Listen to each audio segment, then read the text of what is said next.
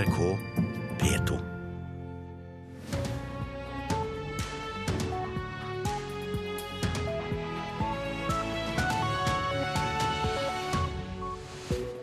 Klokka er 6.33. Velkommen til Nyhetsmorgen med Anne Jetlund Hansen i studio. Dette er hovedsakene våre den neste halvtimen. I Aleppo i Syria har det vært en rekke bombeangrep i natt. Samtidig har FN og Røde Kors nå fått inn nødhjelp til 35 000 mennesker i en forstad til Damaskus. Det er fortsatt menn som oftest eier og velger familiebilen.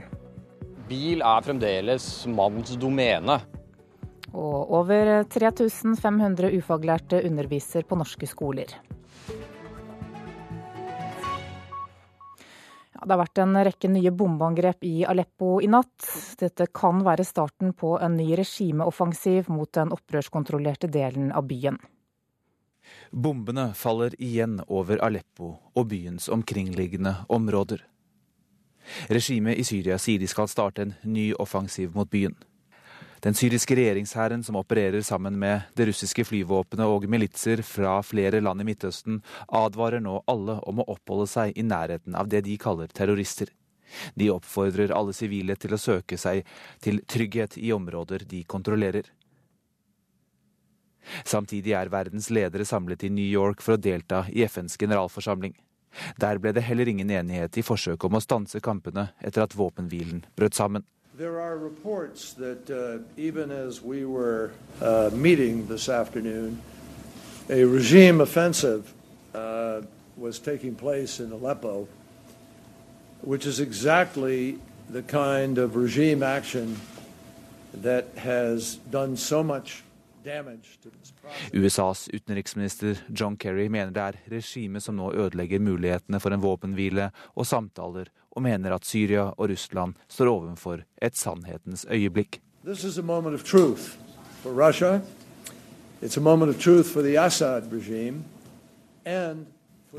Det gjør også det internasjonale samfunn, som etter fem år med krig enten ikke har villet eller kunnet stanse den ødeleggende krigen. Og Det sa utenriksmedarbeider Sigurd Falkenberg Mikkelsen. Samtidig har nødhjelp nå nådd frem til 35 000 mennesker i landet. På tirsdag denne uken så innstilte FN alle hjelpesendinger etter angrepet mot en nødhjelpskolonne. Men arbeidet med hjelpesendinger er altså blitt gjenopptatt, og i går så kom en nødhjelpskolonne fra FN og Røde Kors frem til Modamia, som er en forstad 11 km sørvest fra Damaskus sentrum. Denne forstaden har vært beleiret og utsultet av myndighetene i flere år. Og generalsekretær Bernt Apeland i FNs barnefond UNICEF, hva møtte nødhjelpskolonnen da den kom frem? Ja, det møtte jo eh, barn og familier som har vært eh, uten helt eh, livsnødvendige eh, artikler i lang, lang tid. Eh, medisiner, eh, mat, vann. Men også barn som har hatt behov for å få skolemateriell. Dette er jo en by som har vært som du sier, beleiret i mange mange år. Det er også den byen som i sin tid ble utsatt for disse kjemiske angrepene for noen år siden. Så dette er en veldig hardt prøvet befolkning som da endelig, etter det som har vært en veldig svart uke for barna og familiene og hjelpearbeiderne i Syria, så hadde vi et lyspunkt i går og kom fram med den nødvendige hjelpen. Ja, Var det vanskelig å komme forbi disse kontrollpostene? Vi er veldig tilbakeholdne nå med opplysninger om det som foregår rundt disse konvoiene. Det er også derfor vi først snakker om det i ettertid. Fordi etter det som skjedde i Aleppo tidligere denne uken, så er frykten for hva som kan skje med hjelpearbeiderne og utstyret veldig stor. Og derfor så er vi veldig tilbakeholdne med, med den type informasjon. Hva med selve nødhjelpen, altså det de hadde med seg, var den intakt da de kom frem? Ja, dette, Alt jeg har fått rapportert, var at dette gikk for seg på en veldig god måte. At man fikk fram det utstyret som man skulle ha, som jo da er mat, ernæring, vann, medisiner, andre nødvendige artikler. Og at alle hjelpearbeiderne kom ut igjen i trygghet etterpå. Hvor lenge har dere prøvd å komme inn i dette området, da? Ja, Nå har vi jo eh, lastet opp biler rundt omkring i Syria som står klare til å kjøre inn i disse beleirede områdene. Det er jo, eh, I Aleppo så er det kanskje 260 000-270 000 mennesker som trenger hjelp. Du har tilsvarende nesten 300 000 mennesker som trenger hjelp i ulike beleirede områder rundt omkring i Syria. Og vi har eh, klar nødhjelp som står og venter på at det skal være mulig, og så kjører vi inn så fort det lar seg gjøre. Ja, hvordan er det? Det er jo klart det er jo veldig eh, nerveslitende for eh, hjelpearbeiderne. Både fordi eh, man ønsker så sterkt å komme inn med hjelpen og blir frustrert når man ikke kan. Men det er selvfølgelig også veldig nerveslitende fordi det er såpass stor usikkerhet når man først kommer av gårde med konvoien. Du snakket om Aleppo. Vi hører altså at det er en ny offensiv på vei eller i gang mot de opprørskontrollerte delene av byen. En kvart million mennesker er altså fanget der uten mulighet til å, å flykte. Hva, hvordan er situasjonen der når dere nå står på utsiden her? Ja, det kan man jo bare forestille seg. Eh, jeg var i Aleppo i april. Det var et par dager hvor det faktisk var litt rolig, men fortsatt så var jo krigshandlingene eh, veldig tilstedeværende. Eh, dette er en by som er eh, en ren krigssone, og hvor eh, mennesker knapt nok tør å bevege seg ute pga. snikskyttere. Og I tillegg da har du bombardementet fra syrisk luftvåpenet og støttet av det russiske luftvåpenet. Så for befolkningen i disse områdene så er det nesten utålelig. Og allikevel så har de tålt det i så mange år. Bernt Appeland, takk for at du kom hit til Nyhetsmorgen. Nå skal det handle om noe helt eh, annet. Fortsatt er det mannen i forholdet som oftest eier og velger familiebilen, mens kvinnen velger bil nummer to. Og selv om de begge velger miljøvennlig, så er det mannen som ofte skal ha den største. Du kjører en uh, liten elbil, er det tilfeldig, eller? Eh, nei, det, det, er veldig greit å ha en liten bil sånn for bykjøring. Og lett å parkere og sånn. Denne eier du selv? Ja. Hva, hva slags bil eier mannen din? da? Eh, han har en Tesla. Den er ganske mye større? Ja, den er veldig mye større. Anne Beate Christoffersen er klar over at hun lever i et helt typisk bilforhold. Når du skulle velge Teslaen, eh, hvem bestemte det? Eh, nei, det var det han som bestemte. Eller han som hadde lyst på. Ja. Tall for nybilsalget fordelt på kvinner og menns eierskap bekrefter bildet. Menn registrerer større biler, oftere med fossilt drivstoff eller en hybridbil. Kvinner kjøper mindre biler, enten med bensinmotor eller ren elektrisk drift, som fungerer som en nummer to-bil. Bil er fremdeles mannens domene. Altså Det er flere menn enn kvinner som kjøper ny bil. Seniorrådgiver Anders Hovde i TNS Gallup spør nordmenn jevnlig om bilhold. Han slår fast at det er langt fra likestilling i garasjen. Det handler litt om hva mann har lyst på, og for menn så er bil viktigere. Altså Involveringen i bilmarkedet er høyere hos menn. Fremdeles er, er den gjennomsnittlige mann mer interessert, mer involvert i bilvalget og prosessen rundt bilkjøpet enn hva kvinner er. Trives med en liten bil? Jeg trives veldig godt med en liten bil, faktisk. Jeg har lånt hans bil mye. Det er en større bil. Faren din sin? Faren min sin bil. Synes det er, jeg merker at det er mye mer problematisk rundt i byen, i hvert fall. Hva slags bil har faren din, da? Han kjører en Range Rover. Det er viktig for mange menn å stå som eier av den store bilen i husholdningen, sier Anders Hovde. Ja, for mange menn så er det det. Uh, de da, altså er, bilen er den dyreste jakka du tar på deg. Den, liksom, den, kan du vise litt hvem du er. For mange menn så er det viktig å vise hvem de er, og de gjør det ved bilen. Og mens menn er mer skråsikre i bilvalget, går kvinner mer analytisk fram, viser svarene TNS Gallup får når de spør. I det store så har kvinnene strategi med at de spør andre. altså De søker mye mer informasjon om uh, bil, bilmodell, enn menn gjør. Menn sier til oss at uh, de vet selv hva som er et godt eller dårlig bilkjøp. Men ingen regel uten unntak. På en bensinstasjon i en mellomstor SUV sitter Wenche Funderud Berg-Olsen. Den har jeg bestemt å kjøpe selv. Så er det litt omvendt hos eh, dere, eller hvordan er det? Ja, det er det. Han kjører en Golf. Jeg er mer interessert i bil enn han, så han kjører det, han, eh, det som byr seg. Så han er ikke så nøye på det. Og reporter her, det var Lars Håkon eh, Pedersen. Kommunikasjonssjef Inger Elisabeth Sagedal i NAF, god morgen. God morgen. Du blir oppgitt over tallene her. Hvorfor det? Jo, for når det gjelder bil, så har likestillingen kommet veldig kort. Selv om mennene er på banen i huset i større grad, passer barna, ordner med, med mat og alt det, så har de ikke latt eh, dama bli med i garasjen. Hvorfor er det sånn? Nei, det er jo et spørsmål som er vanskelig å svare på. Er vi født sånn, eller blir vi sånn? Eh, vi kan jo konstatere da at eh, menn de eh, tror de er mye bedre til å kjøre bil. En undersøkelse som magasinet Motor gjorde, den viste at menn kjører i 80% av tilfellene når paret skal på langtur. Så her er det et eller annet med selvfølelse og troa på å ha kunnskap, og at vi kvinner syns det er helt greit. Men er det et problem da, at mannen min har en mye større og bedre bil enn det jeg har? Nei, det kan jo være at du er litt smartere, da. Eh, at du er litt mer opptatt av miljø. At du tenker litt at i byen så er det dumt å kjøre rundt i en svær bil. Eh, og det er jo en forklaring som er lettere å leve med. Men det at eh, mennene skal ha økonomiske, det økonomiske overtaket og eie den store bilen, er jo ikke noe vi egentlig liker i likestillingens 2016. Men det er vel kanskje sånn at flere menn er interessert i bil enn vi kvinner er, og så vil bruke mer penger på det? Det kan godt være, men når vi har eh, barn, så ser vi at vi kanskje indirekte påvirker det litt. Sjøl har jeg fått en liten gutt etter to jenter, og når han er opptatt av bil, så syns jeg kanskje det er litt ekstra morsomt. Eh, det er vel noe med at vi bekrefter rollene uten at vi reflekterer så mye over det. Men eh, andre vil jo si at vi har en annen hjerne som er annerledes enn guttene sine, og at vi eh, har mindre kunnskap og forståelse for bil. Men det er langt flere damer nå som tar sertifikatet. Det er flere jenter enn gutter som tar sertifikatet. Og det skulle jo egentlig ikke være noen grunn til at gutta gutter skulle styre dette med bil. Men får det noen konsekvenser for trafikken? Ja, altså eh, Forskere sier at kvinner er bedre til å kjøre bil. Eh, de tar mindre risiko. Eh, men det som er problemet, er at de kjører mindre også, sånn at de får mindre mengdetrening enn gutter.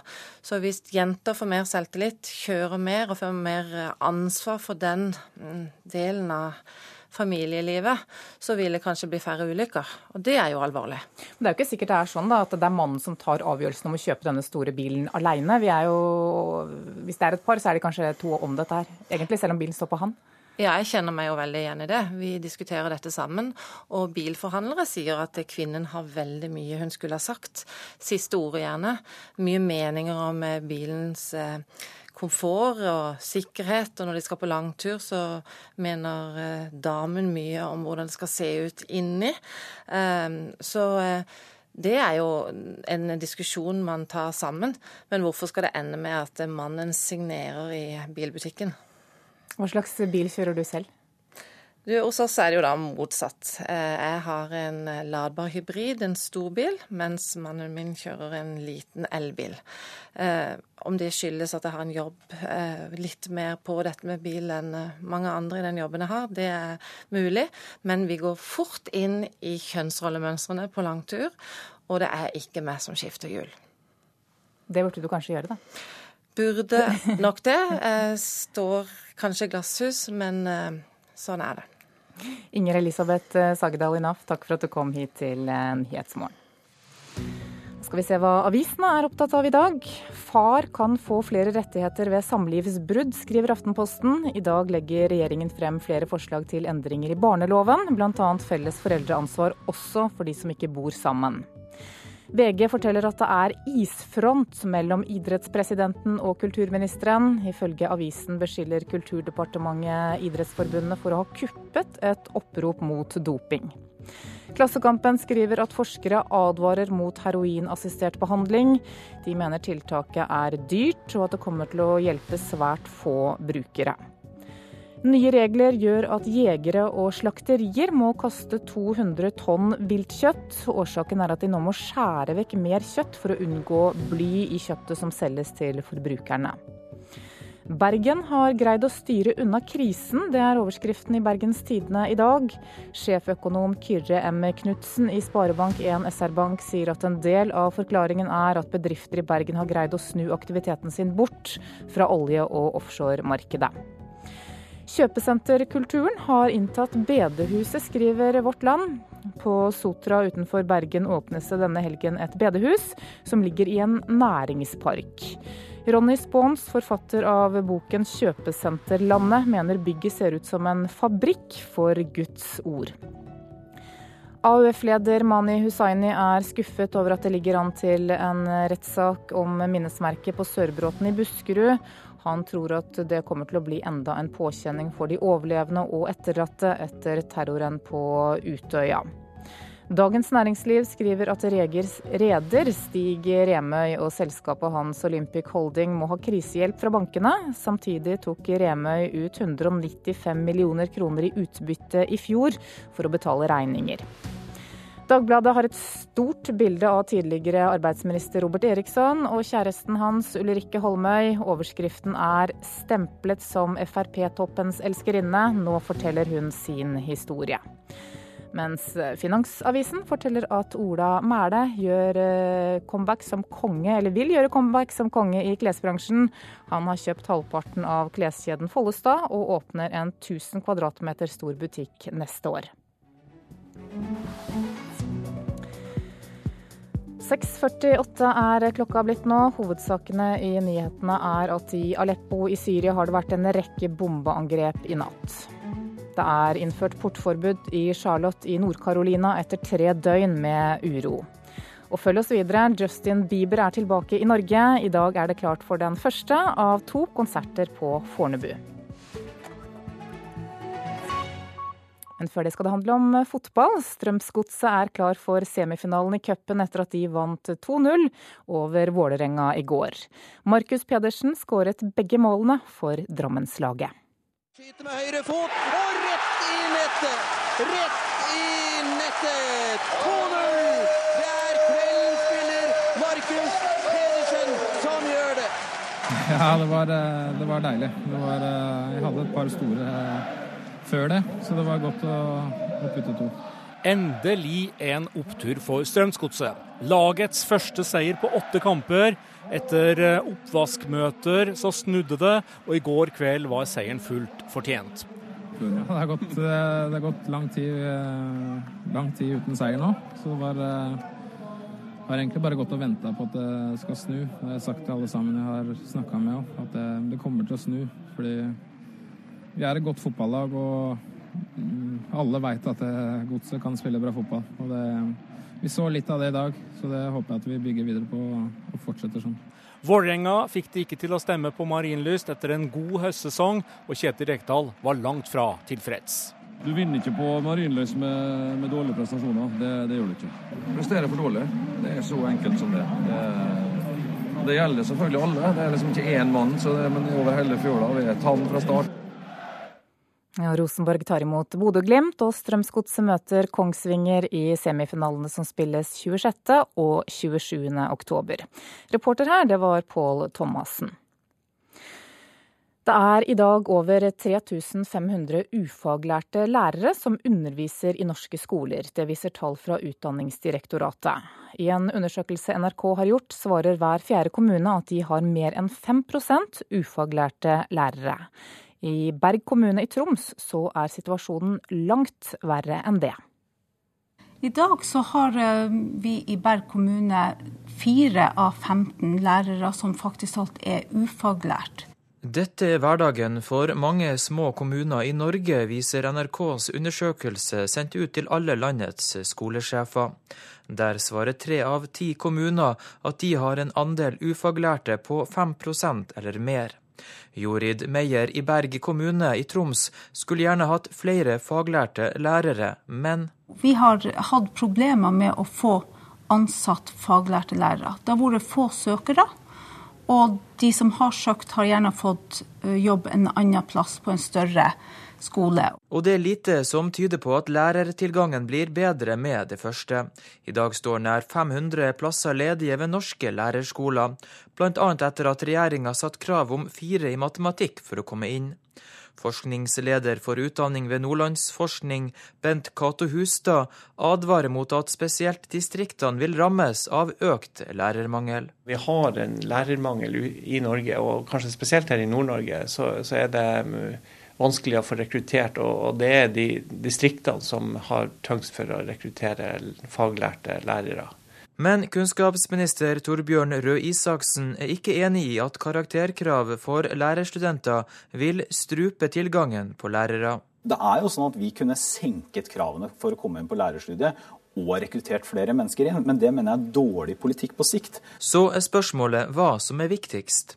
Kvalitet eller kvantitet i rekrutteringa av lærere til kommuner som Berg og skolesjef Jorid Meyer. Andelen er for stor med ufaglærte. Vi ønsker jo det beste for ungene våre. Reporter her var Adrian Dahl Johansen. Vi vet hvem som la ut bomben, og likevel så kan vi ikke gjøre noe. Skal vi bare løpe rundt og skyte folk vi mener har gjort noe gærent? Vi venter på at de skal vende våpen mot oss og ta ladegrep. Først da kan vi skyte. I det bitte lille sekundet der utkjemper vi vår krig, og det er helt spesielt for Norge. Vi er ikke her for å drepe. Nei. Krigsveteran Kenneth Lysell kjenner seg igjen i NRKs nye krigsdrama som vi hørte en smakebit av her. Han har tjenestegjort i Afghanistan og opplevde hvordan han måtte berolige slekt og venner samtidig som han i hodet planla sin egen begravelse.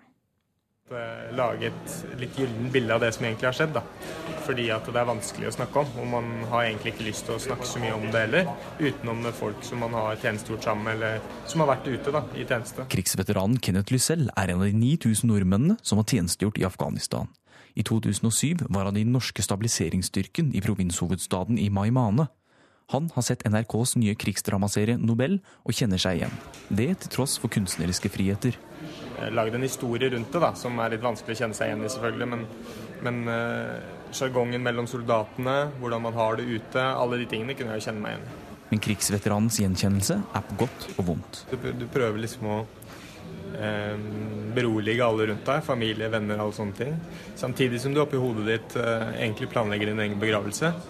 Så det blir litt sånn dobbeltrolle. Eh, den eh, kampen inni hodet ditt med akkurat det temaet, det kjente jeg meg veldig godt igjen i.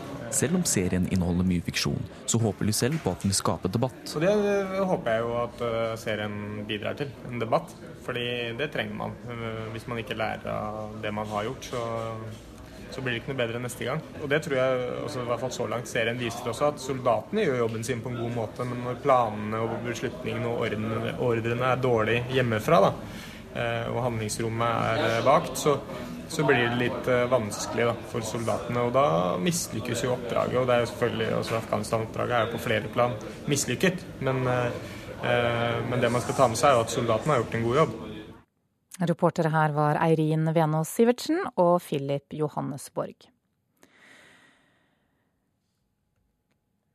Ja, litt problemer med PC-en her nå. Skal vi se. Der. Det skal handle om Justin Bieber nå. I dag så er det klart for den første av to konserter med Justin Bieber på Fornebu i Bærum. Forrige gang han var i Norge så skuffet Bieber publikum ved å forlate scenen bare etter én låt. Men han er fortsatt veldig populær. Baby, baby, oh, like baby, baby, Ingen tvil om at åttendeklassejentene på Brannfjell skole i Oslo gleder seg til konserten i kveld. Jeg står omringet i friminuttet og sliter med å komme til orde. Men Er Justin Bieber mest populær blant 13-åringer, eller er det blant Eller er det Eller er det eller er det, er mange eldre som også liker han nå? Det er mange eldre som også liker han nå. 16. Bestemor liker han. Bestemor liker han. Ja. Nei, det er visst ingen aldersgrense for å like Justin Bieber. Likevel har han rukket å bli 22 år gammel nå, og er langt fra noen uskyldig barnestjerne lenger. Fyllekjøring og arrest, nakenbilder på avveie, offentlig krangel med ekskjæresten og meldinger om slappe og uengasjerte konserter.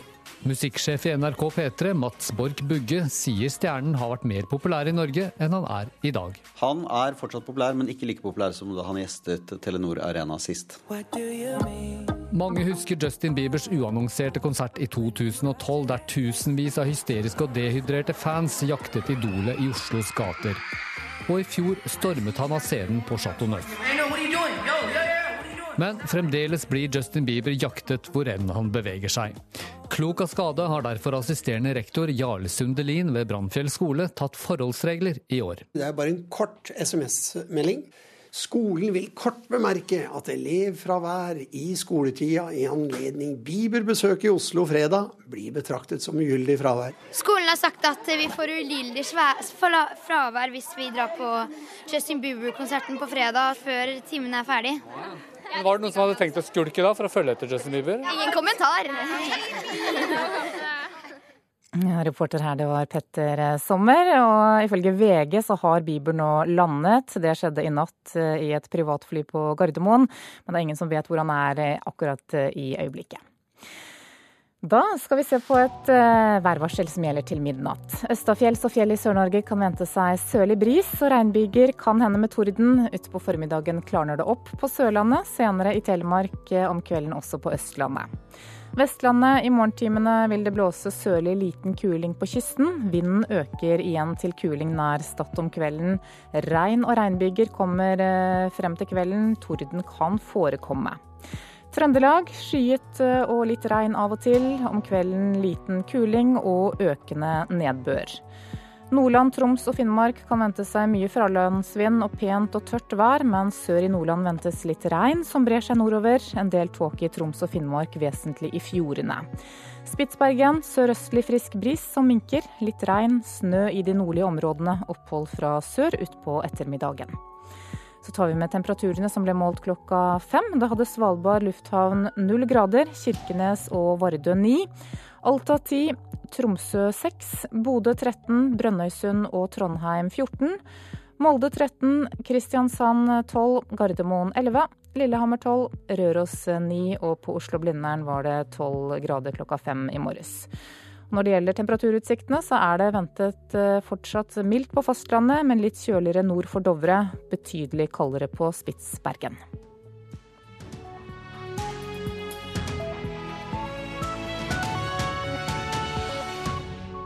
NRK P2. Klokka er 7.03 nå. Nyhetsmorgen fortsetter i P2 og Alltid nyheter med disse sakene. Utelivsbransjen er ikke blitt noe bedre til å behandle ansatte. Det er urovekkende, mener Arbeidstilsynet. Det er innført portforbud i Charlotte i Nord-Carolina etter tre døgn med uro. Og i morgen så vet vi hvem som blir Labours nye partileder. Vi skal straks til vår korrespondent i London. Åtte av ti bedrifter i hotell- og restaurantbransjen bryter lover og regler for arbeidstid og arbeidsmiljø. Det forteller Arbeidstilsynet etter 3000 tilsyn over hele landet. Mange arbeidsgivere i utelivsbedrifter utnytter folk fordi de kan, sier servitør Helena Bosisevik i restauranten på Scandic hotell i Oslo. Sett uh, generelt vår bransje tror jeg ikke tror heller at de uh, ser uh, muligheten for å få billig arbeidskraft. Useriøse arbeidsgivere benytter seg av det. Med 35 år i bransjen vet kroatiske Helena Bosisevic hva hun snakker om. Hun er tillitsvalgt for nesten samtlige ansatte på Scandic Helsfyr hotell i Oslo, og skryter av både arbeidsforholdene og ledelsen ved hotellet.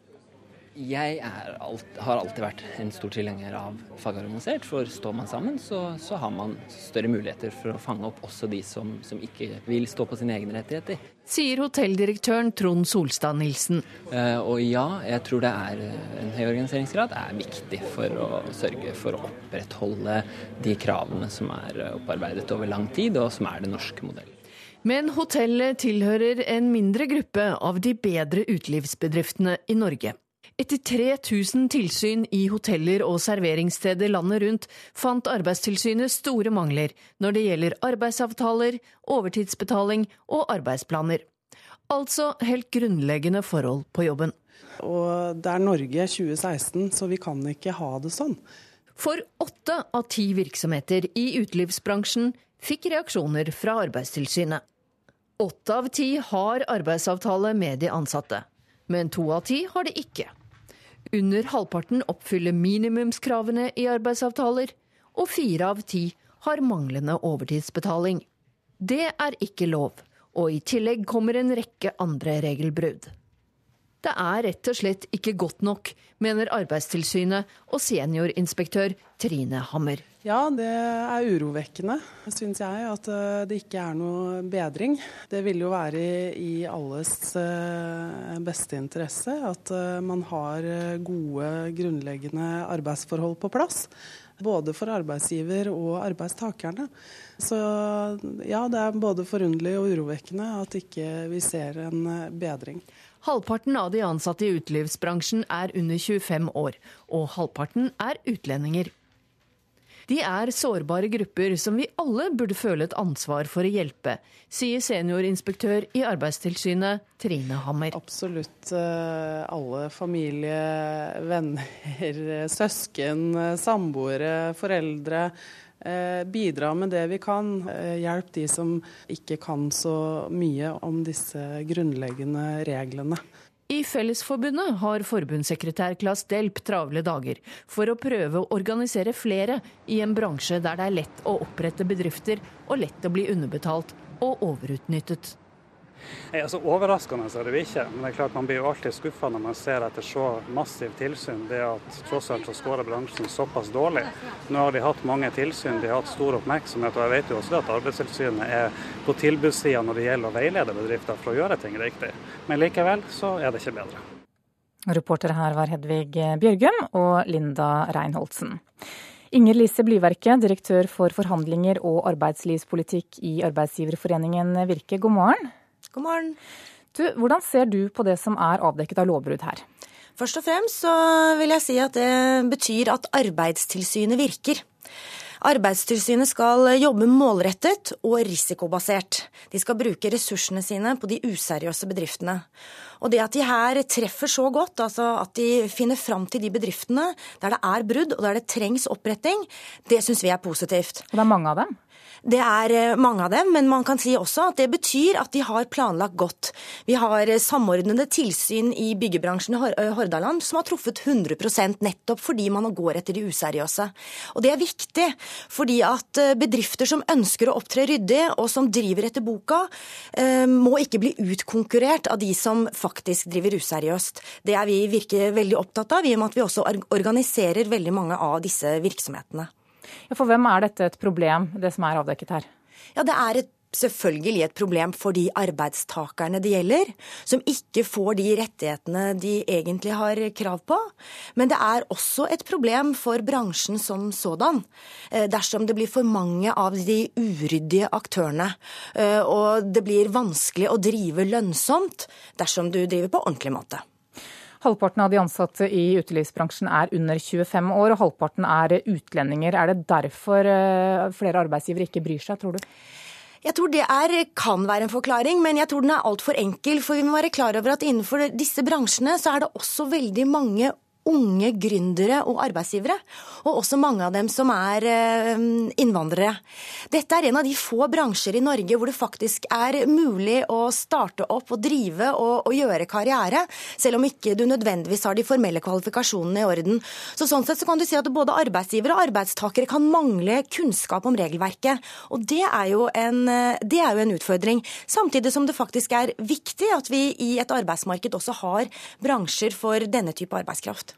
Så du mener at forutsetningene kanskje ikke er til stede hos arbeidsgiverne? Nei, jeg tror i hvert fall vi må være klar over at vi må jobbe målrettet. Det er jo en av de årsakene til at Virke har mast på myndighetene og sagt at vi ønsket oss et, et samarbeidsprosjekt om nettopp utelivsbransjen, som preges av veldig mange små virksomheter, ganske stor turnover også på bedriftssiden. Og vi fikk gjennomslag for det. Da har vi målrettet samarbeidstiltakene våre, bl.a.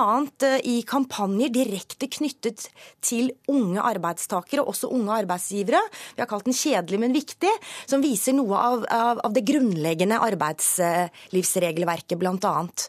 I tillegg så er jo jeg opptatt av, sånn som jeg også hørte på reportasjen, verdien av det organiserte arbeidslivet. Og det er klart at eh, Det organiserte arbeidslivet handler selvfølgelig om at arbeidstakere organiserer seg, og der vet vi jo at arbeidstakerorganisasjonene jobber bra, ikke minst inn mot servicesektoren, fordi der er det utfordringer. Men det er jo like viktig at vi på arbeidsgiversiden klarer å organisere bedrifter eh.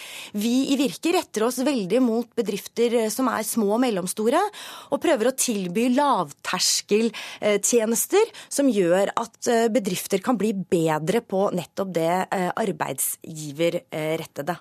Men det har jo ikke blitt så mye bedre de siste årene? Det, det, hører jeg hun sier. Nå samarbeider vi mye og godt med Arbeidstilsynet, så jeg regner med at uh, disse tallene i så fall blir lagt fram for oss også, sånn at vi kan gå nærmere ned i dem og finne ut hvorfor det eventuelt ikke blir bedring. Men det er klart at en, uh, det er også slik at myndighetene har ansvar for å legge til rette for langsiktig seriøse bedriftseiere. Og vi må være klar over at innenfor serveringsbransjen f.eks. så er skjenkebevillingen en veldig viktig rammebetingelse. I Bergen de siste tolv årene har de endret de reglene fire ganger. Det legger heller ikke grunnlaget for seriøse bedrifter som det er mulig å jobbe målrettet mot for å sørge for økt kunnskap. Men kan du svare veldig kort til slutt bare, Kan det også handle om mangel på vilje? Det er vanskelig å si, eh, men det er klart at eh, det er i hvert fall viktig at Arbeidstilsynet og andre myndigheter eh, fotfølger bedriftene som ikke opptrer skikkelig, sånn at de ikke får leve videre. Inger Lise Bliverket, tusen takk for at du kom hit til Nyhetsmorgen. skal vi til Syria, for det har vært flere nye bombeangrep i byen Aleppo i natt. Angrepene kan være starten på en ny regimeoffensiv mot den eh, opprørskontrollerte delen av byen. Samtidig er det ventet at utenriksministrene fra USA og Russland vil møtes igjen i New York eh, i dag for å gjøre nok et forsøk på å få til en fungerende våpenhvile. Så langt ser det ikke ut til å være nok at USA og Russland i prinsippet er enige om en våpenhvile i Syria. Den skulle ha trådt i kraft mandag, men ble erklært død av Russlands allierte, president Assad, nesten umiddelbart. På møtene i den internasjonale støttegruppen for Syria her i New York i går krevde USAs utenriksminister John Kerry at Syrias fly skal settes på bakken, slik at humanitær hjelp kan kjøres inn til byen Aleppo. Utenriksminister Børge Brende kommenterer kravet slik. Det er jo også et spørsmål om hvor stor innflytelse har Russland over Assad. Det er jo et legitimt eh, spørsmål. Jeg tror at over tid at de greier å eh, påvirke dette. Men Lavrov anklaget jo i Sikkerhetsrådet i går også amerikanerne for ikke å ha kontroll over eh, grupper som på bakken til dels samarbeider med det vi før kalte Al-Nusra-fronten. Hva, hva kom, sier du til det? Jeg sier at eh, Assad må etterleve våpenhvilen, men det må også eh, opposisjonen. Og det er mange grupperinger. Noen av de uh, er jo nært opp til Al Qaida. Det er krevende å skille mellom disse to gruppene. Og det er vanskelig å få de òg til å etterleve. I dag mener jeg at det er Assad som har eksplisitt og eklatant brutt våpenhvilen. Det utenriksminister Brende sikter til, er de syriske regjeringsstyrkenes beskjed om at de har startet en ny offensiv mot de østlige bydelene av Aleppo, som i dag kontrolleres av opposisjonen. Det skjer altså mens deres allierte, Russlands utenriksminister, sitter i New York og forsøker å stable en våpenhvile på beina. Børge Brende mener for øvrig at det i prinsippet er vanskeligere for USA å ha full kontroll over hva de ulike opposisjonsgruppene, som er deres allierte på bakken, foretar seg av våpenhvilebrudd, enn det er for russerne i forhold til Syria. Eh, men det er jo mye lettere å kontrollere en hær, sånn som Assad har, som gir kommando, enn titalls med opposisjonsgrupper. Det sier seg selv. Både Kerry og Lavrov har investert mye prestisje i å få til en våpenhvile i Syria, og det er ventet at de to vil møtes seinere i dag. Groholm, New York. For eh, ett år siden ba Stortinget regjeringen sørge for at ofre for menneskehandel får bedre beskyttelse og opphold i Norge. Men fortsatt så har det ikke skjedd noe som helst, og i mellomtiden blir ofre for menneskehandel sendt ut av landet. Det opprører KrFs eh, Kjell Ingolf Ropstad, som mener regjeringen burde ha prioritert arbeidet mot menneskehandel. Jeg mener det er ingen unnskyldning for at eh, handlingsplanen ikke er kommet tidligere. Den utgikk i, i 2013, og det burde absolutt vært på plass en ny handlingsplan for lenge siden. Og når Stortinget òg har vært så utålmodig når det gjelder beskyttelse for mennesker som er utsatt, utsatt for menneskehandel, så burde regjeringa levert noe mer. NRK Brennpunkt fortalte i 2014 om hvordan menneskehandelofre som samarbeider med politiet, blir sendt ut av Norge. Ofrene blir lovet opphold dersom de vitner mot bakmennene i en rettssak, men politiet henlegger nesten alle sakene. En av kvinnene som sto fram i dokumentaren var Lea, som var blitt sendt ut etter å ha anmeldt bakkvinnen sin. Etter dokumentaren tok politiet selvkritikk og åpnet etterforskning, og Lea og hennes to barn fikk komme tilbake til Norge. Nå har politiet henlagt saken, og Lea og barna må kanskje ut igjen.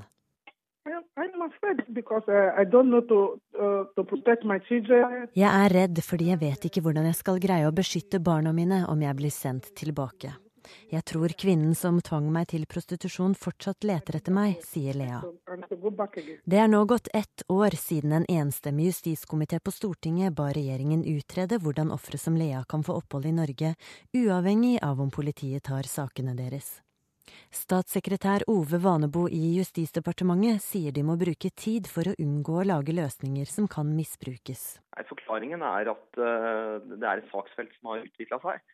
Eh, I løpet av våren har det kommet opp eh, en del problemstillinger, bl.a. om misbruk av, av, dagens ordning. Som har gjort at vi har vært nødt til å ta oss litt ekstra tid. Nettopp for å sørge at tiltakene er målretta og gode. Det er klart at vi kunne fått ut, noe, fått ut noe tidligere.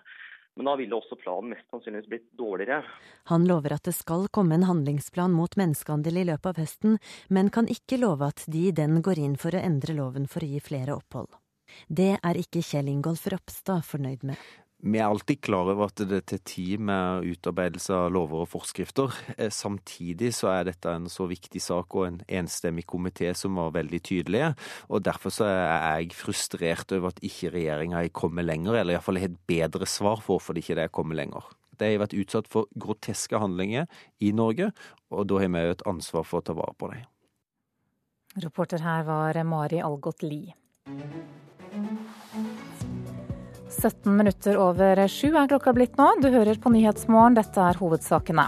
I Aleppo i Syria har det vært en rekke bombeangrep i natt. Utelivsbransjen er ikke blitt bedre til å behandle ansatte, og det er urovekkende, mener Arbeidstilsynet. Og over 3500 ufaglærte underviser på norske skoler.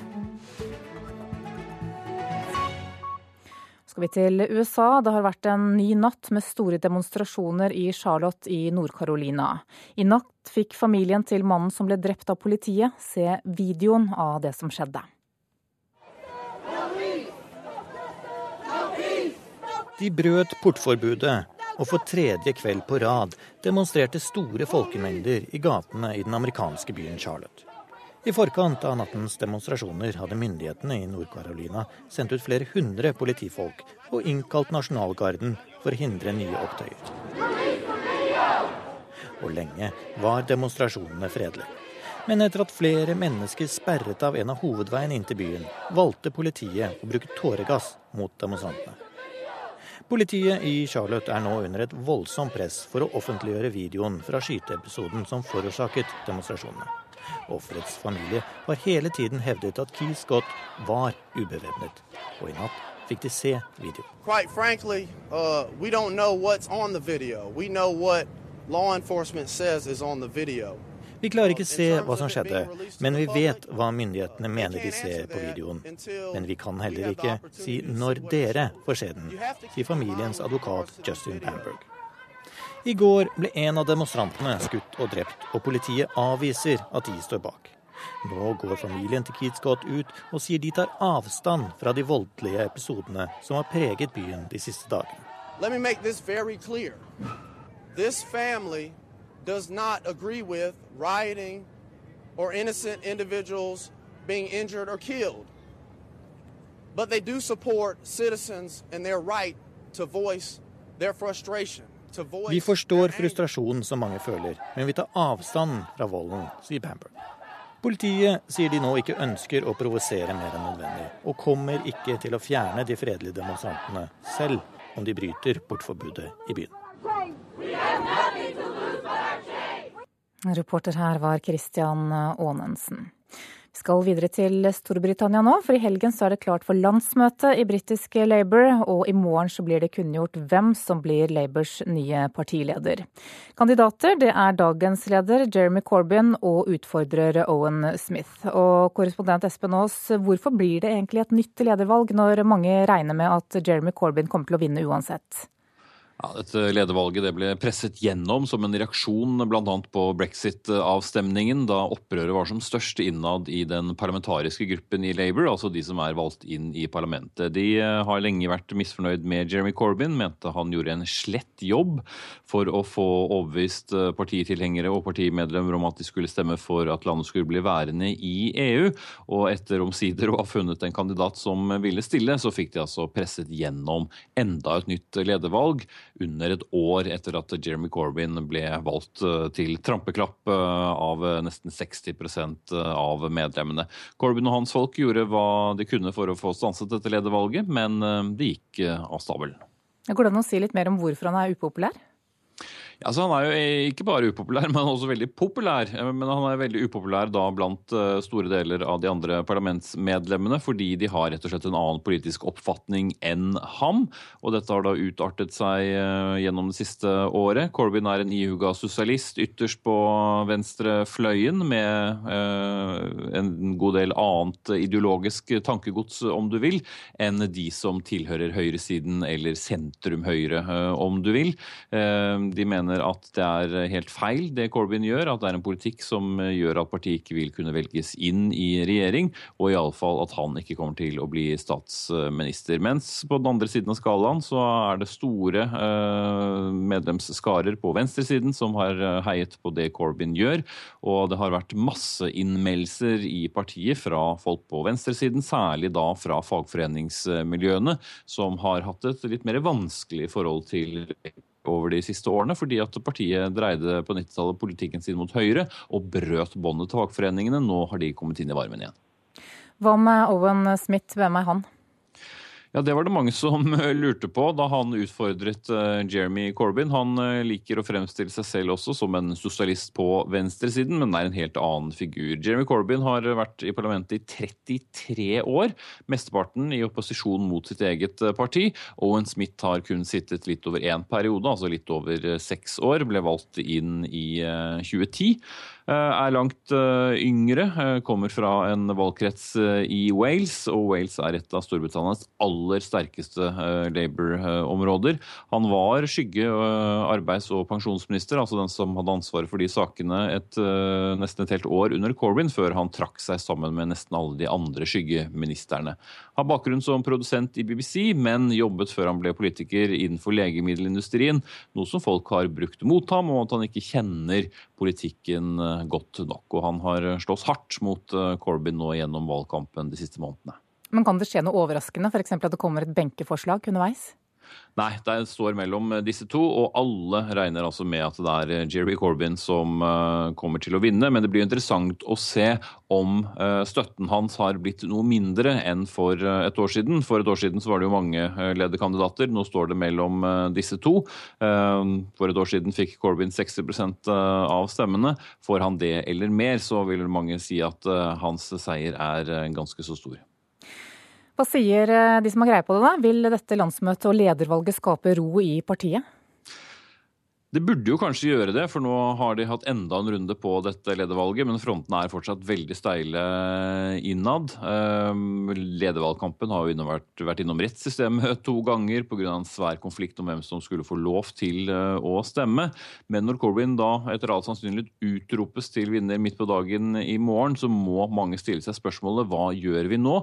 Har velgerne bedt om at vi fortsatt skal drive borgerkrig eh, innad, eller er det nå på tide å respektere valgresultatet? Valgresultatet. En del vil nok eh, føye seg inn i rekkene nå inntil videre, men mange finner det så vanskelig eh, å godta Jeremy Corbyn som leder og hans politiske linje at de fortsatt vil nekte å samarbeide, nekte å ta eh, posisjoner, og kan nok stå i fare for ikke å bli renominert til senere valg av sine lokale partilag.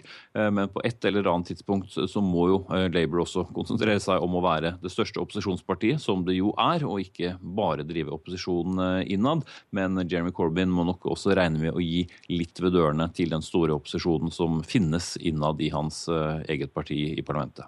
Det blir spennende tider. Korrespondent Espen Aas, takk for at du var med i Nyhetsmorgen.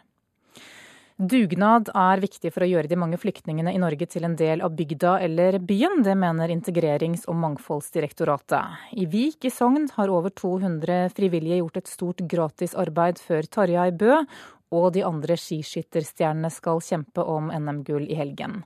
En av dem er Omer Sulaiman fra Eritrea.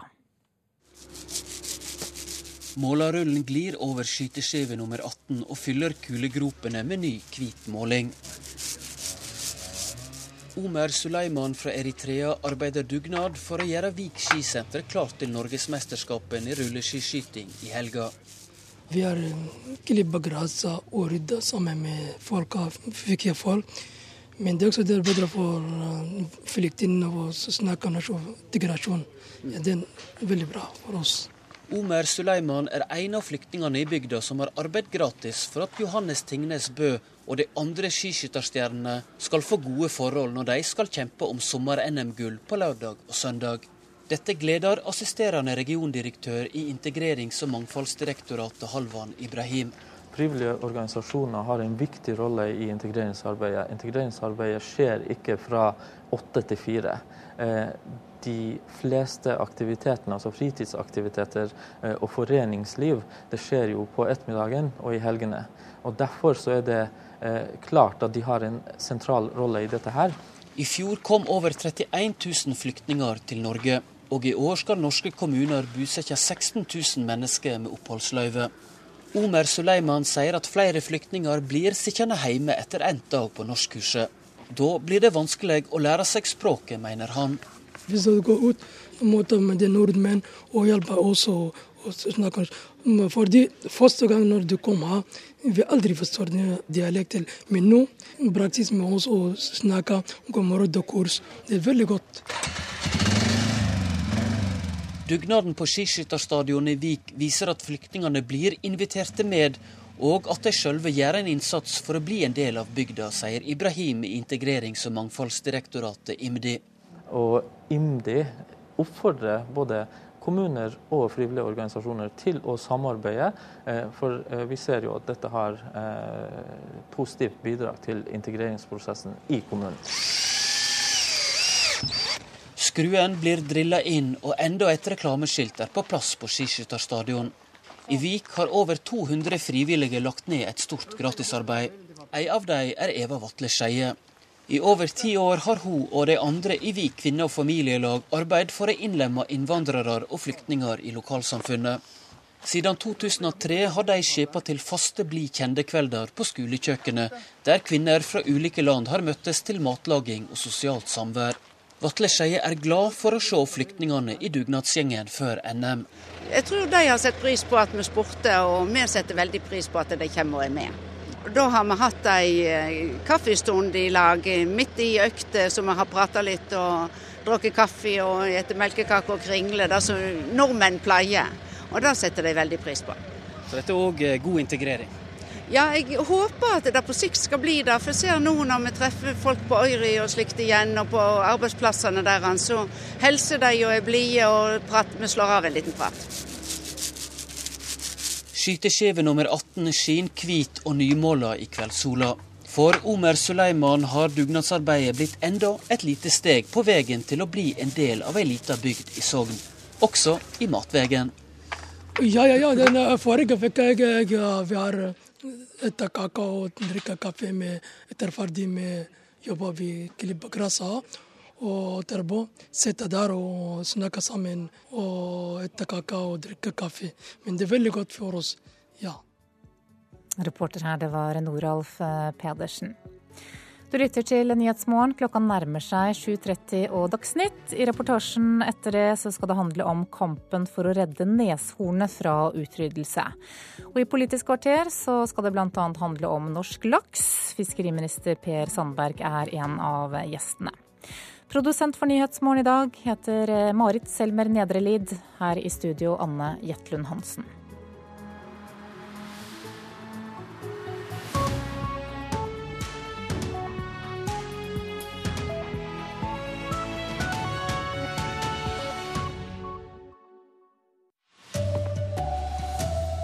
I Syria regner bombene igjen over byen Aleppo.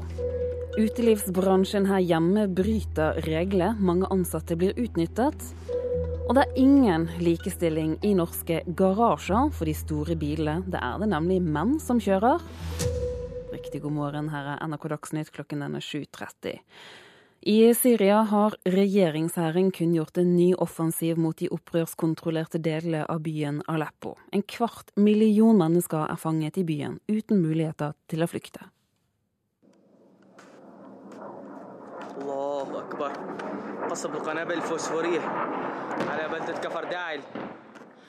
Flammene slår opp i det syriske nattemørket.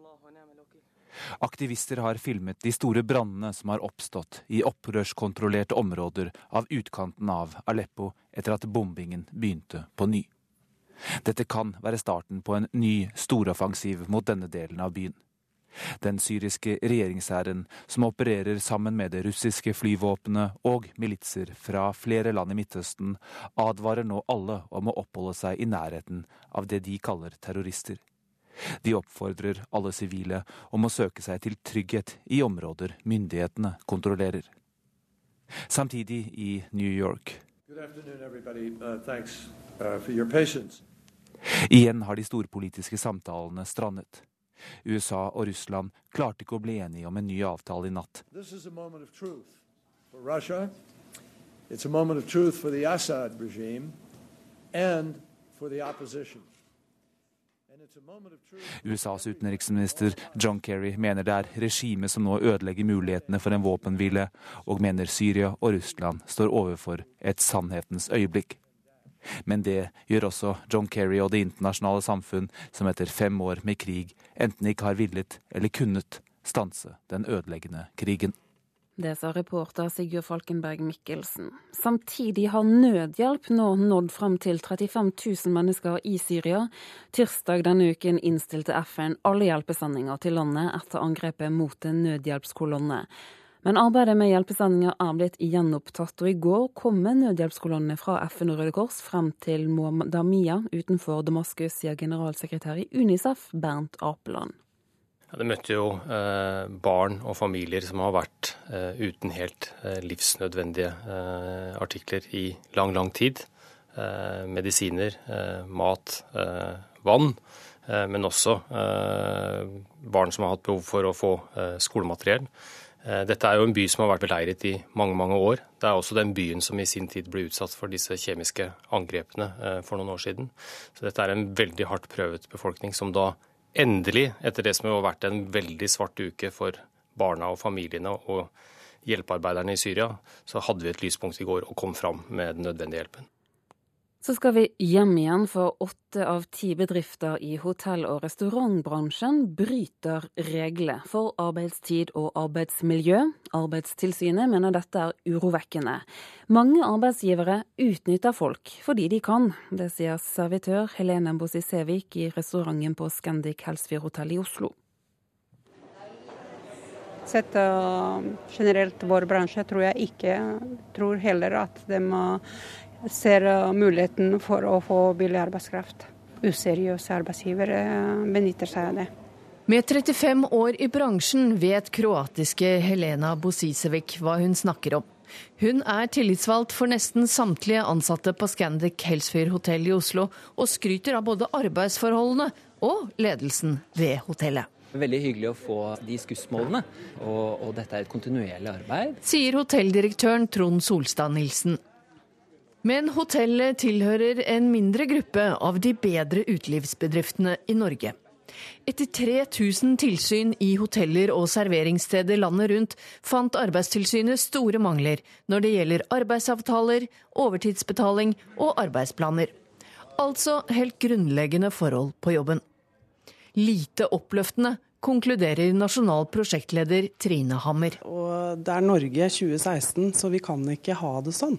For åtte av ti virksomheter i utelivsbransjen fikk reaksjoner fra Arbeidstilsynet.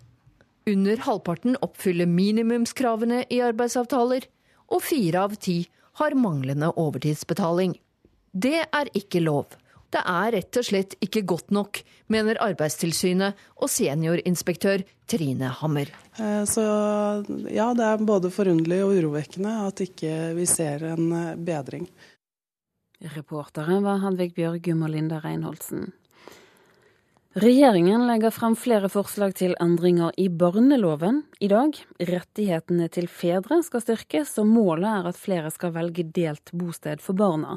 Blant annet foreslås det felles foreldreansvar for dem som ikke bor sammen, og meklingsplikt dersom foreldrene ikke er enige om at barnet skal flytte. Så har det vært en ny natt med store demonstrasjoner i Charlotte i Nord-Carolina i USA. I natt fikk familien til mannen som ble drept av politiet, se videoen av drapet. For tredje kveld på rad demonstrerte store folkemengder i gatene i den amerikanske byen Charlotte. I forkant av nattens demonstrasjoner hadde myndighetene i Nord-Carolina sendt ut flere hundre politifolk og innkalt nasjonalgarden for å hindre nye opptøyer. Og lenge var demonstrasjonene fredelige. Men etter at flere mennesker klarte å sperre av en av hovedveiene inn til byen, valgte politiet å spre demonstrantene med tåregass. Politiet i Charlotte er nå under et voldsomt press for å offentliggjøre videoen fra skyteepisoden som forårsaket demonstrasjonene. Offerets familie har hele tiden hevdet at Keith Gott var ubevæpnet, og i natt fikk de se videoen. Quite frankly, uh, we don't know what's on the video. We law enforcement says is on the video. Vi klarer ikke se hva som skjedde, og vi vet ikke hva myndighetene mener de ser på videoen. Og vi vet heller ikke når dere får se den, sier familiens advokat Justin Bamberg. Og det sa reporter Christian Aanensen. Fortsatt så er det slik at det er mannen i forholdet som bestemmer og eier familiebilen, mens det er kvinnen som velger den lille nummer to-bilen. Og selv om de begge velger miljøvennlig bil, så skal mannen ha den største. Det er veldig greit å ha en liten bil sånn for bykjøring, og lett å parkere og sånn. Hva, hva, slags bil er mannen din? da? Eh, han har en Tesla. Den er ganske mye større? Ja, den er veldig mye større. Hun har en bitte liten elbil, han har den største som er å få tak i. Og sånn er det generelle bildet fortsatt, sier seniorrådgiver hos TNS Gallup, Anders Hovde, som jevnlig intervjuer nordmenn om bilhold. Bil er fremdeles manns domene. Altså Det er flere menn enn kvinner som kjøper ny bil. Bilen er den dyreste jakka man, eh, man tar på seg. Fordi så er det noe å vise hvem man er. Og, og for svært mange menn så er, så er det faktisk eh, viktig. Reporter, det var Lars Håkon Pedersen. 230 arbeidstakere i 16 energibedrifter går ut i streik etter at det ikke ble oppnådd enighet i meklingen med KS Bedrift. De streikene er organisert i LO-IT-forbundet, Fagforbundet, Delta og Parat. Partene er uenige om en avspaseringsordning. I dag er det klart for den første av to konserter med Justin Bieber på Fornebu i Bærum. Sist han var i Norge, så skuffet Bieber publikum med å forlate scenen etter bare én låt. Det canadiske ungdomsidolet var enda mer populær for noen år siden, det mener musikksjefen i NRK Petro. Men fansen er ikke nødvendigvis enig i det. Baby,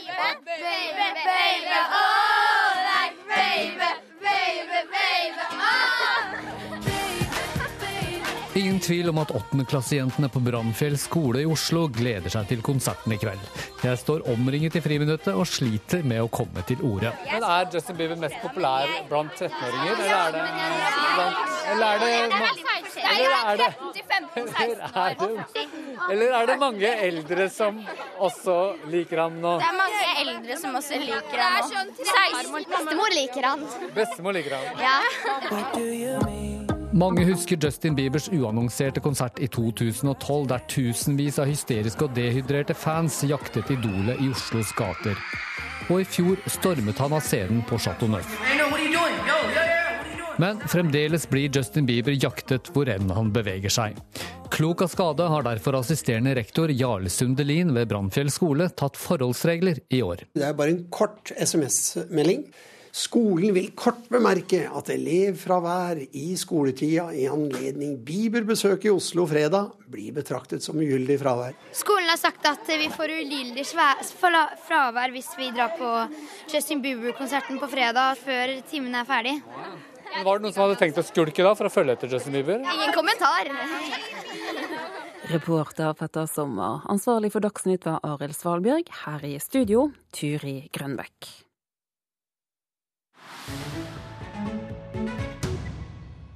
Klokka er 7.40 nå, og Nyhetsmorgen fortsetter. Kilopriset på horn fra neshornet er høyere enn prisen på både gull og kokain. Med en kilopris på en halv million kroner, så lever mange neshorn i stor fare. Veterinærer og viltvoktere i Sør-Afrika tar drastiske midler i bruk for å redde neshornet fra å bli utryddet. Idyll i en nasjonalpark i KwaZulu-Natal i Sør-Afrika. På nært hold kan turistene få oppleve dyrene i Afrika og alt de har å gjøre. Et høydepunkt er å se denne arten, neshornet. Men turistene kan oppleve at en forstyrrende lyd ødelegger idyllen i nasjonalparken. Et helikopter flyr over savannen og kretser over områdene med busker og skog. Om bord er viltvoktere med kraftige kikkerter og automatvåpen. De speider etter krypskyttere. Spesielt nå som kiloprisen på hornet til neshorn er høyere enn gull og kokain, er jakten på dyret svært lukrativ. En kilo av horn er oppe i 60 000 amerikanske dollar, om lag en halv million kroner. Internasjonale forbrytersyndikat står bak. De bruker store ressurser og sofistikerte metoder. Derfor har de som kjemper for dyrenes eksistens, måttet svare med drastiske tiltak for å redde neshornet fra utryddelse. En gruppe veterinærer og viltvoktere gjør sine forberedelser. So initially we use a, a chainsaw to cut the horn off um, and to take the sidewalls off, and then we use um, Um, Vi skal bruke motorsag, deretter en pussemaskin for å få bort resten samt få en myk avrunding. Det sier veterinær Rein von de Wenter til nyhetsbyrået Associated Press. Med høy presisjon skyter veterinæren en bedøvelsespil og treffer låret på et utvalgt neshorn som han kaller vujo. Veterinæren og en viltvokter får festet en løkke rundt venstre bakbein, slik at neshornet ikke forsvinner langt av gårde før det segner om. Så setter veterinæren i gang med motorisert redskap. Snart våkner Vyo uten det kraftige hornet som dyret bruker til å forsvare seg med. Vi må ta hornet for å gjøre det mindre attraktivt for krypskytterne, forteller veterinær van de Wenter minimize the uh, the appeal um, or the, the, risk versus reward to the poachers. So by not having a horn on the animal, um, it, it, it, tries to just stop anybody from coming to, to, to, to shoot the animal or to, to poach it. Enkelte dyrevernere frykter at neshornet snart er på vei inn i historiebøkene på linje med dinosaurene. På 1970-tallet var det 65 000 av arten i Afrika. I dag er det om lag 25 000 igjen på verdensbasis, hvorav 20 000 i Afrika. Hver måned blir 100 neshorn skutt av krypskyttere. Etterspørselen er stor, spesielt blant pengesterke mennesker i Kina, Thailand og Vietnam. Der har mange fått det for seg at pulver fra neshorn kan kurere det meste, fra fyllesyke til feber, fra potensproblemer til kreft. Legemiddelindustrien og andre eksperter mener det hele er overtro. De hevder at innholdet i hornet er det samme som i menneskers negler. Så rikinger i Asia, de kan like gjerne tygge på sine egne negler, hevder ekspertisen. Ja, Det sa reporter Dag Bredvei. 7.44 er klokka blitt nå. Du hører på Nyhetsmorgen, og dette er hovedsakene våre. Kjartan Sekkingstad, som ble holdt som gissel på Filippinene i nesten ett år, har landet på Gardermoen. Han holder en pressekonferanse om ca. tre kvarter. Den kan du følge her i Nyhetsmorgen. I Aleppo i Syria har det vært en rekke bombeangrep i natt. Samtidig har FN og Røde Kors nå fått inn nødhjelp, nødhjelp til 35 000 mennesker i en forstad til Damaskus. Og utelivsbransjen her hjemme bryter reglene. Mange ansatte blir utnyttet, og det er liten bedring å spore. Klokka er straks 7.45. Du skal få Politisk kvarter, og programleder i dag er Lilla Sølhusvik.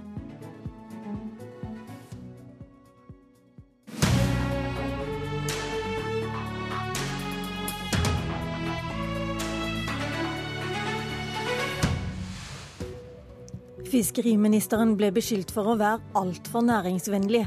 Nå har han fått hele oppdrettsnæringa mot seg. Sverigedemokraterna nærmer seg 20% Dansk Folkeparti er godt over. Og nå kommer enda et innvandringskritisk parti i Danmark. Men hvordan forholde seg til dem, det er debatten som nå rir begge våre naboland. Dersom Per Sandberg får det som han vil, blir laksen dyrere og produksjonen går ned. Det er faktisk konklusjonen fra en samla oppdrettsnæring. Og denne morgenen er det du som representerer den næringa, Geir Ove Ystmark, administrerende direktør i Sjømat Norge. Velkommen. Takk skal du ha.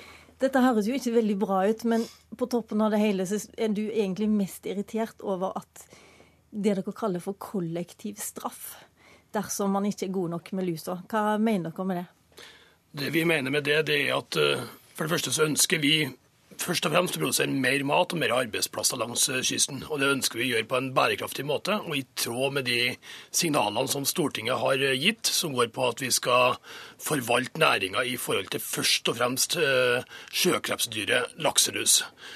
Så skal nå regjeringa gjennomføre det som er politikk, og har hatt ei brei høring knytta til hvordan det skal, skal gjennomføres.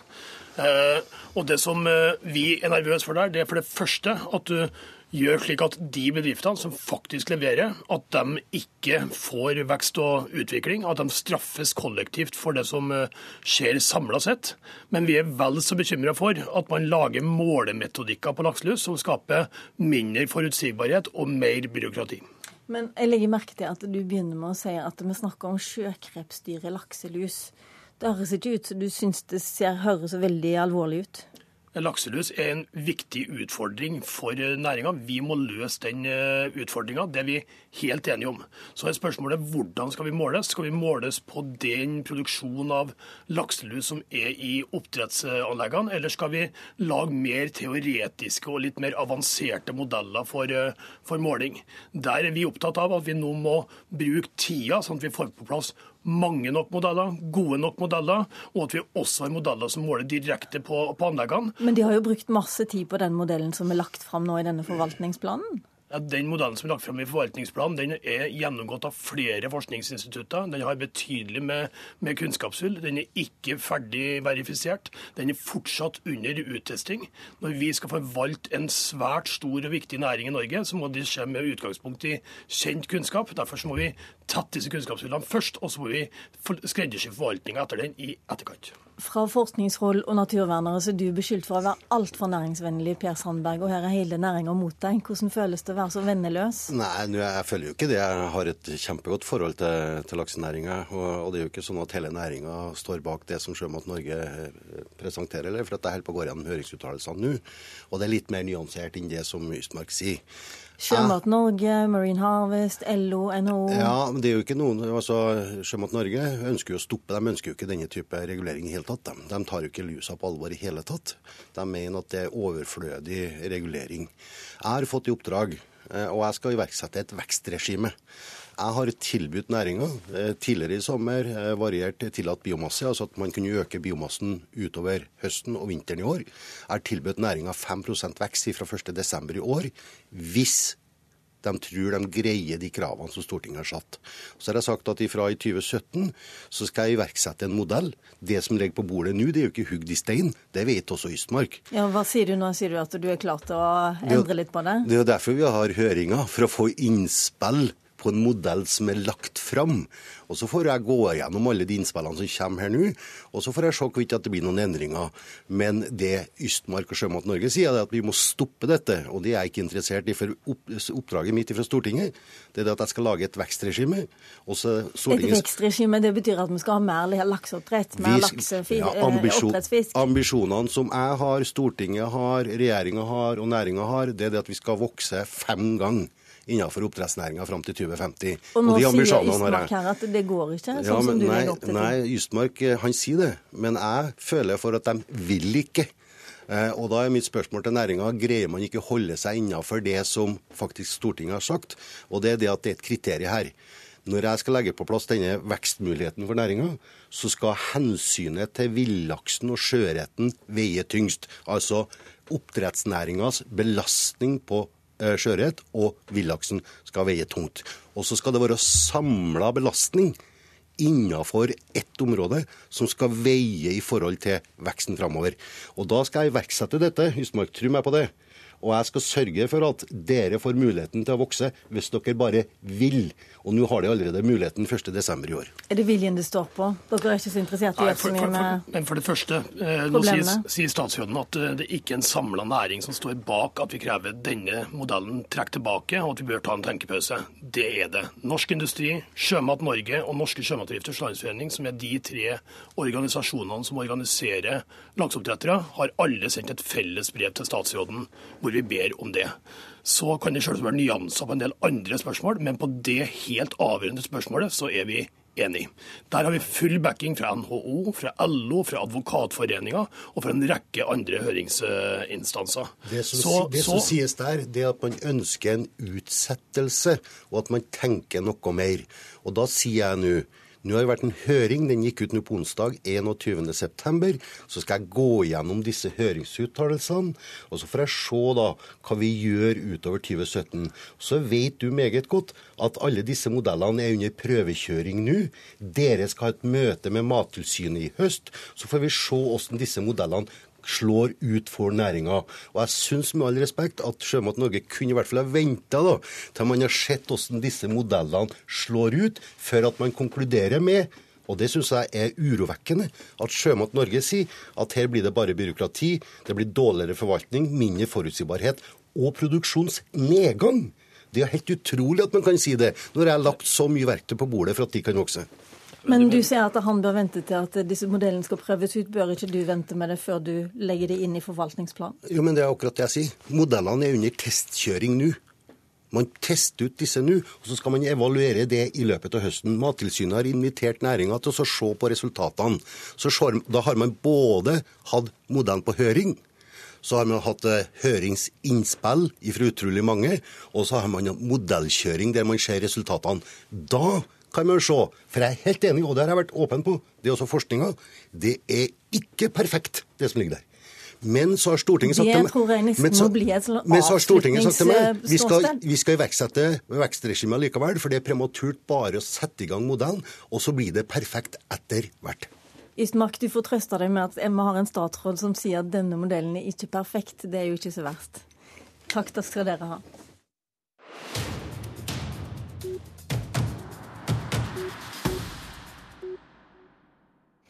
Både i Sverige og i Danmark holder de innvandringskritiske partiene seg høyt oppe på meningsmålingene. Og i begge land plages de andre partiene med hvordan de skal forholde seg til de. Sverigedemokraterna har nå en oppslutning på 19% og tangerer rekordene fra i fjor vinter, da det var den store flyktningtilstrømningen. Politisk reporter i Sveriges Radio, Katarina Hilmarsson. Det virker som de politiske partiene i Sverige nå innser at de ikke lenger kan slutte å forholde seg til et så stort parti, stemmer det? Ja, man kan väl säga att det både stämmer och inte stämmer, tänker jag. För att å ena sidan kan man säga att Sverigedemokraterna, trots att de nu är så pass stora och börjar närma sig de största partierna, Socialdemokraterna och Moderaterna, och dessutom är större än de av tre av de fyra borgerliga partierna ihop så har de ju fortfarande inget inflytande över svensk politik. Annat än att man förstås kan säga att Moderaterna som ju har tappat väldigt mycket väljare till Sverigedemokraterna har förändrat sin politik när det gäller invandring i väldigt hög utsträckning. Men om det beror på verkligheten eller på Sverigedemokraterna det är kanske en blandning.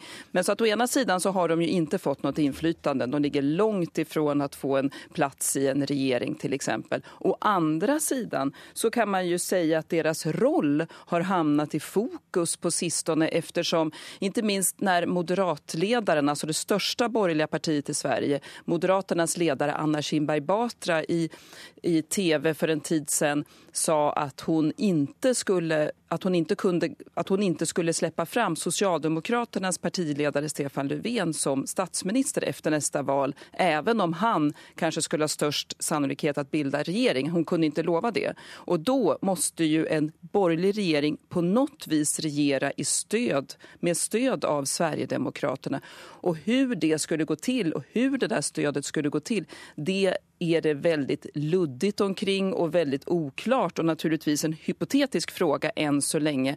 Eh, men alla borgerliga partier är eniga om att att man inte vill ha ett samarbete med Sverigedemokraterna. Men hur ett passivt stöd inte skulle se ut, det är där den diskussionen kommer att pågå under, under lång tid, ända fram till valet och förstås efter också med allra största sannolikhet. Och sen har vi förstås det som har hänt på sistone att Liberalerna, ett av de mindre partierna på den borgerliga sidan, ledaren Jan Björklund sa at man borde bjuda in Sverigedemokraterna til till förhandlingar. Eftersom eh, den svenska regeringen inte har majoritet så har det ju varit många förhandlingar mellan blocken sedan regeringen bildades. Och Sverigedemokraterna har inte bjudits in till de allra flesta av de förhandlingarna. Och då menade Jan Björklund att i och med att de får stå utanför så får de en martyrplats, de får väldigt stor stort utrymme i medier. De borde bjudas in, tvingas ta samma ansvar som övriga partier och inte få den här guldsitsen. Men det fick han ju väldigt mycket kritik för, inte minst inom partiet. Ja, vad skedde då egentligen? Eh, ja, det, det, var, det var ju en av orsakerna till att det blev en väldig turbulens inom Liberalerna där eh, Birgitta Olsson som ju är en, eh, en väldigt eh, profilerad eh, eh, medlem av partiet som tidigare var EU-minister, sitter i partiledningen, gick ut öppet och kritiserade sin partiledare för det här uttalandet. Men sen Kristdemokraterna, det allra minsta partiet inom borgerligheten, har ju tidigare gått ut och sagt samma sak. Så att han var ju inte först med det här. Och jeg jag tror att det nog var många som uppfattade det han sa som att vi borde samarbeta med Sverigedemokraterna. Men det han ju egentligen menade var ju alltså att de på samma sätt som andra partier skulle bjudas in. Men det är ju en stor förändring jämfört med hur partiet eh, hanterades hvordan, tidigare. Hvordan det var tidligere, nettopp. Eh, Magnus Takvam, kommentator her i NRK. I Danmark er situasjonen litt annerledes. Der samarbeider Dansk Folkeparti med de fleste partier, og akkurat nå kanskje aller mest med Sosialdemokratene? Ja, situasjonen er eh, helt uh, forskjellig. Som vi hører fra Sverige, så uh, har de borgerlige partiene store problemer med å forholde seg til uh, Sverigedemokraterna i Sverige. Mens etter siste valg så var jo i Danmark situasjonen den at Dansk Folkeparti ble det største partiet på den tradisjonelle blå blokk, den blå siden, men ville selv ikke ikke gå i regjering eh, fordi de muligens skuet til andre land og, og var redd for regjeringsslitasje. Nå er situasjonen den at eh, sosialdemokratene i opposisjon, opposisjon, og Dansk Folkeparti utenfor eh, regjeringen, men som et støtteparti til den borgerlige venstreregjeringen, samarbeider tett f.eks. på eh, innvandringsfeltet. Og senest i dag så skryter eh, Dansk Folkeparti av Sosialdemokratene og sier at de er, ligger nærmere Dansk Folkeparti i innvandringspolitikken enn det regjeringspartiet Venstre gjør. Så der er eh, det innvandringskritiske eh, partiet fullstendig alminneliggjort og akseptert som en av spillerne på linje med alle de andre partiene. Og nå på toppen av det hele så kommer enda et nytt innvandringskritisk parti. Og de er enda mer kritiske til innvandrere enn faktisk eh, Dansk Folkeparti. Ja, De store nyhetsoppslagene i danske medier i går kveld var at dette partiet, som kaller seg Nye borgerlige, eh, har som ambisjon om å stille til eh, folketingsvalg. Og ekspertene tror også at de kan komme inn fordi sperregrensen i Danmark bare er 2 slik at det er realistisk de går til ytterligheten enda lenger i innvandringspolitikken enn Dansk Folkeparti, og vil også ha en ultraliberalistisk økonomisk politikk på den andre siden. Sånn at i Danmark er situasjonen eh, helt annerledes enn for så vidt både i Norge og Sverige. Og det viser at innvandringsspørsmålet eh, der har ja, det er mye bredere konsensus om en stram innvandringspolitikk. Det eksempelet du nevner med et slikt parti, knoppskyting av et slikt parti, er bare det siste eksempelet på det. Vi får eh, følge det nye partiet som heter Nye Borgerlige, eh, og se hvordan det går etter hvert. Eh, vi følger nok også en del med på både Dansk Folkeparti og Sverigedemokraterna. Takk skal dere ha, Magnus Takvam og Katarina Helmarsson. I programlederstolen i dag satt Lilla Sølhusvik. Hør flere podkaster på nrk.no podkast.